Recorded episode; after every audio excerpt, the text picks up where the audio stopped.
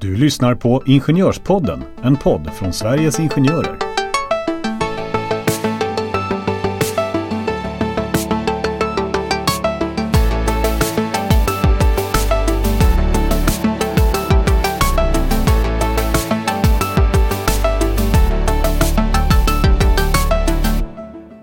Hur viktig kan en oskriven regel vara?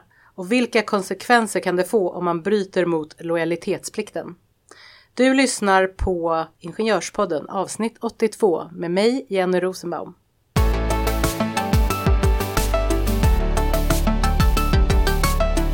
Hej och välkommen tillbaka till eh, Ingenjörspodden säger jag till eh, Magnus Bäckström, enhetschef för juridiska enheten och faktiskt även min chef. Välkommen tillbaka! Tack Jenny, det var ett tag sedan jag var här. Jag vet, men eh, det känns bra att vara här hoppas jag. Känns alltid bra. Ja, men det är härligt. Och idag, Magnus, så ska ju vi prata om lojalitetsplikten, vilket är ett ämne som vi faktiskt har tagit upp tidigare i podden. Jag ska säga faktiskt ganska tidigt i poddens historia, redan i avsnitt 18. Och då var det dig vi pratade med och då pratade vi bland annat om lojalitetsplikten även om lite konkurrensklausuler och så. Så det är ju ett viktigt ämne. Vi har även haft webbinarier på ämnet och vi har massa information på hemsidan. Men skälet varför vi då ännu en gång, du och jag, vill lyfta det här ämnet, det är ju egentligen kort och gott för att uppmärksamma er som lyssnar på vad lojalitetsplikten är och eh, vad den innebär och vad ni faktiskt ska göra för att helt enkelt inte bryta mot lojalitetsplikten. Precis, vi pratade ju lite om vad vi skulle prata om i det här avsnittet Mm. och eh, fastnade ändå för lojalitetsplikten. Jag kan ju inte säga att jag minns ett ord av vad vi prat- Nej, nej. pratade om i avsnitt 18, Nej, men men det var bara visdomar. det var det. Ja. Det var det absolut, men om vi börjar med eh, ändå att du kortfattat då eftersom du inte kommer ihåg vad du sa och ni som lyssnar kanske inte heller gör det. Eh, annars får ni gå tillbaka till avsnitt 18. Men lojalitetsplikten, varför är det här ett viktigt ämne och berätta lite kortfattat vad är lojalitetsplikten? Eh, Om vi börjar med den senare frågan, Mm. vad är lojalitetsplikten? Så är lojalitetsplikten är en allmän eh, avtalsrättslig grundsats kan man säga, gäller i alla avtalsförhållanden. Eh, och sen får den väl mer eller mindre betydelse i olika avtalsrelationer. Mm. Man tänker sig eh, när du går och handlar mjölk på ICA kanske inte lojalitetsplikten har så stor betydelse. Beror på till ganska vem? Snabbt avtal avklarat men anställningsavtalet är ju liksom en eh, ett avtalsförhållande som, som eh, skapar särskilda relationer mellan dig och arbetsgivaren för att det är så långvarigt. Mm. Eh, och i en sån avtalsrelation så anses man ha en förpliktelse att inte vidta åtgärder som skadar motparten. Eh, och, och då innebär liksom lojalitetsplikten att du får inte göra något för att skada eller försvåra för arbetsgivaren i arbetsgivarens verksamhet som arbetstagare. Och vart står den här äh, väldigt viktiga äh, ja, lojalitetsplikten, förpliktelsen? Vart står det hur jag ska gå tillväga och vad jag får och inte får göra? Ja, det där är ju då ett dilemma eftersom det är just en allmän avtalsrättslig, arbetsrättslig grundsats så står det ju ingenstans. Det behöver inte stå någonstans. behöver inte nämnas i ditt anställningsavtal. Eh, Det behöver inte på något sätt upplysas om att den existerar utan den finns där ändå. Man brukar ju säga att det är en, en så kallad tyst reglering, men den kan ju vara vad är då motsatsen till tyst? Jag vill säga högljudd, men det är inte riktigt rätt ord så att säga. Men det brukar ju... Kan vara uttrycklig. Ja, uttryckligt. Bra, tack. Eh, I till exempel kollektivavtal.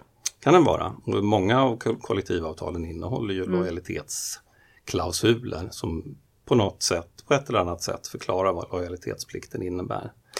Men oavsett vad, vad, alltså om den står någonstans eller om den inte står någonstans så gäller den lika mycket, så kan man säga. Den gäller alldeles oavsett Mm. om den är uttalad i ditt anställningsavtal, om den finns inskriven i ett kollektivavtal som du och arbetsgivaren är bunden av eller om den överhuvudtaget inte är omnämnd. Eh, och, och då är det ju så att Många gånger så är det ju kanske lättare att förhålla sig till bestämmelser och eh, avtalsförpliktelser som man tydligt har skrivit under. Eh, våra medlemmar tror jag generellt är väldigt duktiga på att läsa sina anställningsavtal, medvetna om vad de har åtagit sig för förpliktelser i en anställning.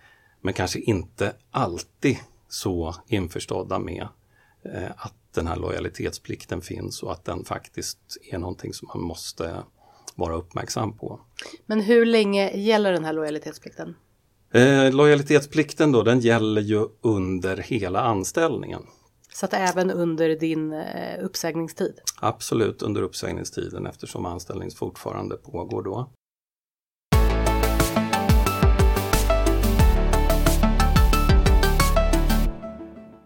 Och sen så skulle jag också vilja nämna att lojalitetsplikten, vi har inte pratat så mycket vad den konkret innebär. Nej. Eh, men den innebär en förpliktelse att sätta arbetsgivarens intressen framför dina egna, undvika att hamna i intressekonflikter mellan vad du eh, som privatperson har för ekonomiska önskemål och, och din arbetsgivares. Så det är en stor del av, av lojalitetsplikten. Det anses också innebära en viss upplysningsplikt för dig som arbetstagare. Om du har eh, kännedom om förhållanden som din arbetsgivare skulle må bra av att känna till. Vad skulle det vara till exempel? Ja, men det skulle ju kunna vara till exempel att en konkurrent gör en stor satsning som innebär att man är intresserade av att eh, rekrytera. Tänk att det är bra för mig att känna till. Mm. Mm. Det är bra vad för dig att känna till. Ja, vad jag ska upplysa dig om. Eh, det kan vara nej men, omvärldsfaktorer som påverkar verksamheten som, som arbetsgivaren skulle vara intresserad av att känna till. Eh, sen måste det ju vara något konkret. Liksom. Mm. Man kan ju inte tro att man på grund av den allmänna lojalitetsplikten måste springa och informera arbetsgivaren om vad som händer i omvärlden. Det är någonting som man känner till som har tydlig koppling till verksamheten så, så anses man ha en skyldighet att berätta det för arbetsgivaren. Man kan väl bara nämna, alltså parentes, att även arbetsgivaren har en slags lojalitetsplikt gentemot arbetstagaren. Det kan man nämna och, och för så är det mm. ju. Men det är svårare att eh, liksom sätta ord på vad den innebär. Mm. Eh, betala lön skulle kunna vara en sån. Betala lön absolut. eh, man skulle kunna tänka sig också att arbetsgivaren ska agera allmänt mm. lojalt mot arbetstagaren. Uh, inte bryta mot till exempel regler som finns, och arbetsmiljöregler. Precis, man hamnar, den hamnar ofta där. Mm.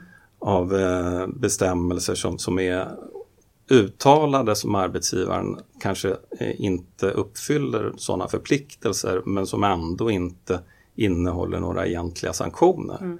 Det skulle kunna vara sanktionen då, att det är ett brott mot lojalitetsplikten. Men kan man inte för att, jag är mycket för att exemplifiera för att man ska förstå, för det är ju lite, lite luddigt är det, kan jag tycka. Även om du säger, man ska inte skada arbetsgivaren, det är ju mm. egentligen det mm. eh, som är själva grundbulten i det här. Men eh, om du skulle tänka på några vanliga missar som, ska inte säga våra medlemmar, men som skulle kunna vara missar eh, som man gör som gör att man då är illojal på mm. olika sätt. Vad skulle du tänka är en av de vanligaste eller några ja, av men Kanske vanligaste? vanligaste situationen är väl att man antingen bedriver eh, konkurrerande verksamhet eller under bestående anställning förbereder att bedriva konkurrerande verksamhet. Mm.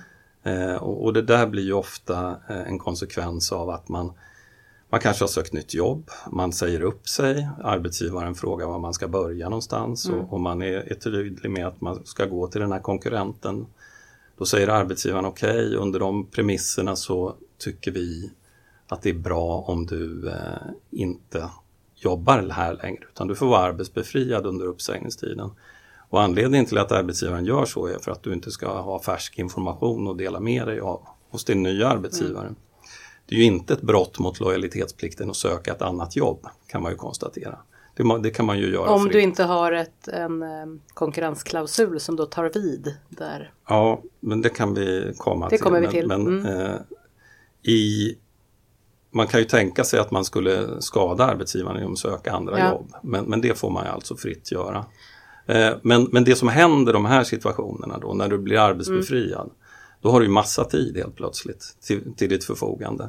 Eh, och, och, då kan du ju, och ibland kanske påhejad av den nya arbetsgivaren, ja, men börja jobba lite grann sådär. Mm.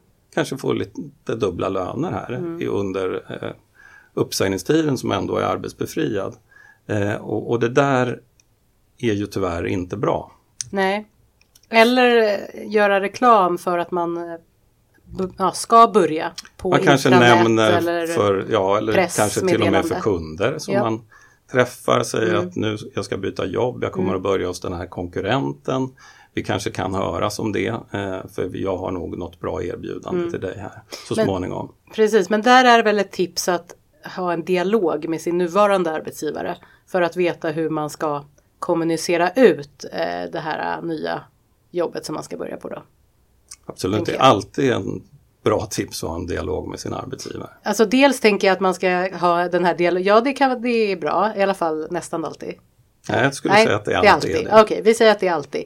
Ehm, nej men dels för att om man nu ska börja på ett nytt arbete att man har en någon liksom, plan för det. Men också faktiskt för att veta vad man ska säga till om man nu har befintliga exempelvis kunder. För då kan det annars lätt bli sådär att Jaha, eh, ska du sluta och vart ska du gå då? Och så blir det, kan det bli en situation Mm. där man någonstans eh, lite lätt så kan hamna i ett Mm, man kanske inte riktigt vet hur man ska säga. Nej. Det kanske kan vara bra att diskutera det med arbetsgivaren. Eh, så att, nej men det, det Mm. Ja men det är en vanlig tips. miss. Vad tänker du mer på när vi är vanliga? Ja, men det kan ju handla om saker som att man kopierar något kundregister eller eh, Mm. något liknande som man tar med sig för att man kanske har behov av i en kommande anställning. Man kanske kopierar någon eh, affärsplan. Mm. Eh, man tänker att den här är jag särskilt nöjd med. Den, den vill Alltså jag... som man själv har gjort? Ja, man kanske har Mm. gjort den själv. Eller var i alla fall ingått i det team som har tagit fram den och tänker att det här är ju lite av min bebis. Den vill jag eh, kunna ta fram och titta på framgent. Men arbetsgivaren ser det inte riktigt så utan typiskt sett är ju det du presterar i anställningen eh, och får lön för, sen arbetsgivarens. Där finns det ju också en lag, lagen om företagshemligheter och den kan ju bli aktuell där också då. då. Så är det. De här reglerna går ju lite i varandra kan man säga. Men eh, man nöjer sig med, med lojalitetspliktsbrotten så, så är inte de kopplade typiskt sett till att det finns någon eh, företagshemlighet som man inte får sprida.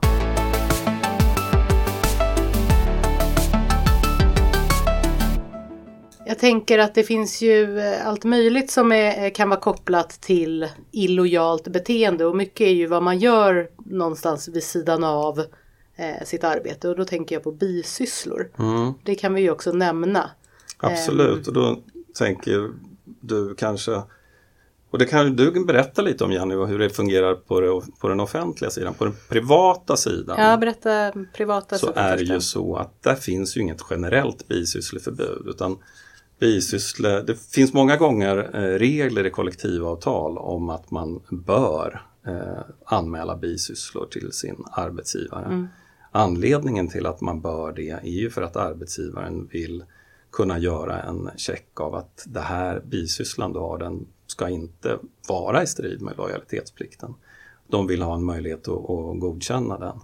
Eh, så att så är det, men det finns liksom ingen, ingen, inget generellt förbud mot bisysslor i en privat verksamhet. Nej, precis. Mer än att de inte ska vara då illojala eller konkurrera med. Får inte vara illojala eller konkurrera och, och när man pratar om konkurrera så kanske man framförallt tänker på att det är verksamheten som konkurrerar men de får inte heller konkurrera i tid. Just det. Mer. jag har ett nattskift på Ja. någon butik. Du kan inte jobba natt eh, på Pressbyrån om de nu har nattöppet, det har de väl inte. Eh, 7-Eleven. 7-Eleven eh, och samtidigt ta ett dagjobb Om jag inte på behöver... Sveriges Ingenjörer. Jo, om jag behöver väldigt lite sömn. Ja, då skulle det kunna vara på det sättet. Kan även jämli- jämställas med att vara småbarnsförälder. Mhm, Okej, ja det är bra. Men det är en annan diskussion. Eh, Okej, ja det är den eh, privata sektorn. Och sen har vi ju eh, offentlig sektor som består av både statlig sektor och eh, kommunal sektor kan man ju säga. Och då har vi en lag som heter lagen om offentlig anställning och den reglerar ju just då eh, förtroendeskadliga bisysslor. Och där kan man väl säga att bisysslan är lite av en annan karaktär än vad man tänker på i privat sektor som du precis beskrev. För där pratar man ju om att man inte ska rubba förtroendet för den anställdes opartiskhet Mm. eh, i arbetet då eller skada myndighetens anseende och där är det ju lite annorlunda. Eh, man tänker ju mer jävsituationer då än vad man tänker i privat sektor. Och är det så att man jobbar inom statlig verksamhet då måste man som anställd lämna in uppgifter om bisyssla. Eh, och eh, när det gäller eh, kommunal sektor så är vårt råd att man ändå bör eh, rådfråga även där för att man ska få ett intyg på att den inte är förtroendeskadlig. Um, det man kan tänka nu, ni som lyssnar där ute och är fackligt förtroendevalda, så är det ju så att förtroendeuppdrag inom då exempelvis fackliga eller politiska uppdrag eller andra ideella organisationer, de räknas ju generellt inte mm. som otillåtna eh, bisysslor och det kan ju vara bra för er att känna till. Så det Precis. är en liten parentes, men man kan väl säga att liksom det som är eh, kopplingen till allt det här eh, som vi har pratat om är mm. ju någonstans att man ändå inte ska vara illojal eller skada arbetsgivaren oavsett om det är Precis, på privat och eller offentlig Det som gör sektor. att, de här, att vi vill lyfta det här ja. igen det är ju för att det händer titt som tätt mm. tyvärr att våra medlemmar hamnar i situationer ja.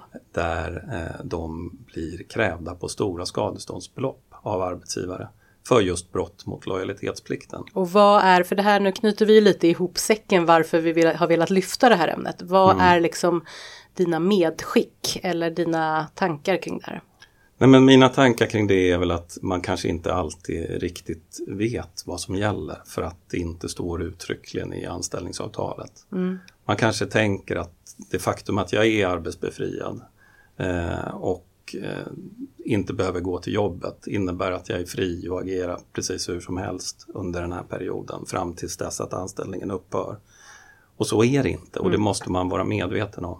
Det är jättetråkigt att bli stämd på, på stora belopp, vilket har hänt. Och då pratar vi ju inte om, alltså pengarna det är ju det det stora så, men mm. det kan ju finnas andra såklart arbetsrättsliga konsekvenser av att du är illojal mot din arbetsgivare. Ja, absolut. Och det första man kan tänka på är ju att man blir uppsagd eller avskedad mm. faktiskt. Eh, för brott mot lojalitetsplikten, det händer ju.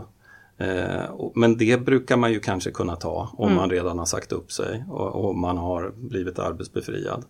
Eh, det är ju inte kanske det värsta som kan hända i en sån situation. Man har redan antingen ett nytt jobb att gå till eller man har tänkt att man ska starta en egen verksamhet.